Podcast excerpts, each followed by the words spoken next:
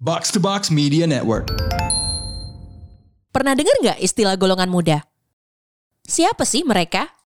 Mari memulainya dengan sebuah kisah ketika Bung Karno baru saja lepas dari pengasingannya di Bengkulu pada Juli 1942. Asmara Hadi bersama adiknya AM Hanafi serta pemuda lain menghampiri Bung Karno di Hotel Des Indes.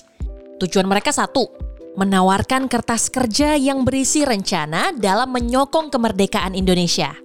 Soekarno mengambil kertas itu untuk membacanya di kamar kecil. Tanpa banyak tanggapan, Soekarno menyanggupi dan menyuruh kedua kakak beradik tersebut untuk bergegas, tidak membuang waktu. Isi kertas kerja yang ditawarkan adalah rencana soal tempat berkumpul berupa asrama yang akan dihuni para pemuda. Kelak, asrama itu akan dikenal sebagai Menteng 31, tempat munculnya golongan muda. Selamat datang di podcast sejarah bersama gue, Mutia Wiro Sastro.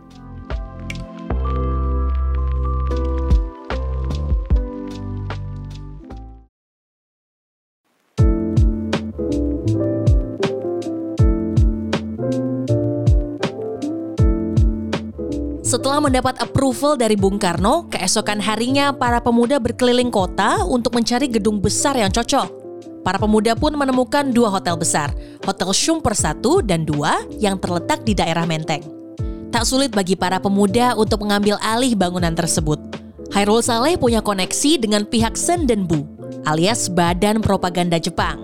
Surat izin pun langsung keluar. Resmilah berdiri Asrama Angkatan Baru Indonesia atau dikenal juga sebagai Menteng 31. Kini tempat tersebut telah menjadi Gedung Juang 45. Dari Menteng 31 kelak muncul sosok seperti Soekarni, Hairul Saleh, A.M. Hanafi, Wikana, Adam Malik, Johan Nur, M.H. Lukman, dan banyak lagi.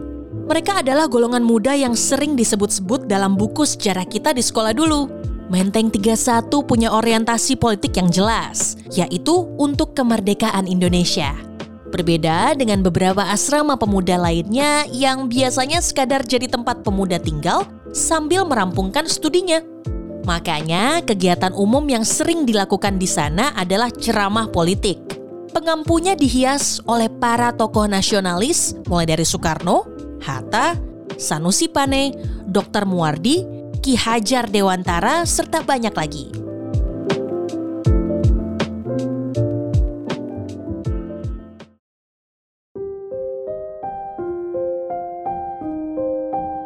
Menurut pengakuan AM Hanafi dalam memoarnya, anak-anak Menteng 31 terbilang ekstrim jika dibandingkan dengan asrama pemuda lainnya. Anggota asrama Angkatan Baru Indonesia terdiri dari dua bagian, bagian A dengan 50 orang terpilih dengan makan ditanggung dan bagian B dengan 70 orang yang tidak tinggal di asrama. Mereka kami bagi dalam bidang-bidang sosial politik serta tugas-tugas lapangan. Untuk keperluan tugas, mereka bisa berhubungan dengan setiap pojok mana pun di ibu kota. Salah satu langkah yang mereka tempuh adalah suka menginterogasi anak-anak muda yang baru pulang studi dari luar negeri. Aksi ini berasal dari kecurigaan apakah mereka yang baru pulang membawa garis politik Belanda atau mendukung berdirinya Republik Indonesia. Cara interogasinya bisa dibilang mirip seperti penculikan. Mereka yang baru datang akan disekap di kamar belakang asrama dan ditanya-tanya, ini pula yang bisa jadi gambaran kenapa anak-anak muda nantinya punya keberanian buat menculik Bung Karno dan Bung Hatta ke Rengas Dengklok. Pada akhirnya asrama di Menteng 31 itu tidak lama beroperasi, hanya sekitar setahun. Tapi jaringan yang sudah mereka miliki cukup untuk mendorong agenda kemerdekaan. Tak cuma jaringan, golongan muda ini juga punya keberanian dalam mendesak golongan tua agar segera memproklamasikan kemerdekaan. Pertentangan dua golongan akan mengantarkan kita menuju rumah selanjutnya, Rengas Dengklok dan rumah Laksamana Tadashi Maeda.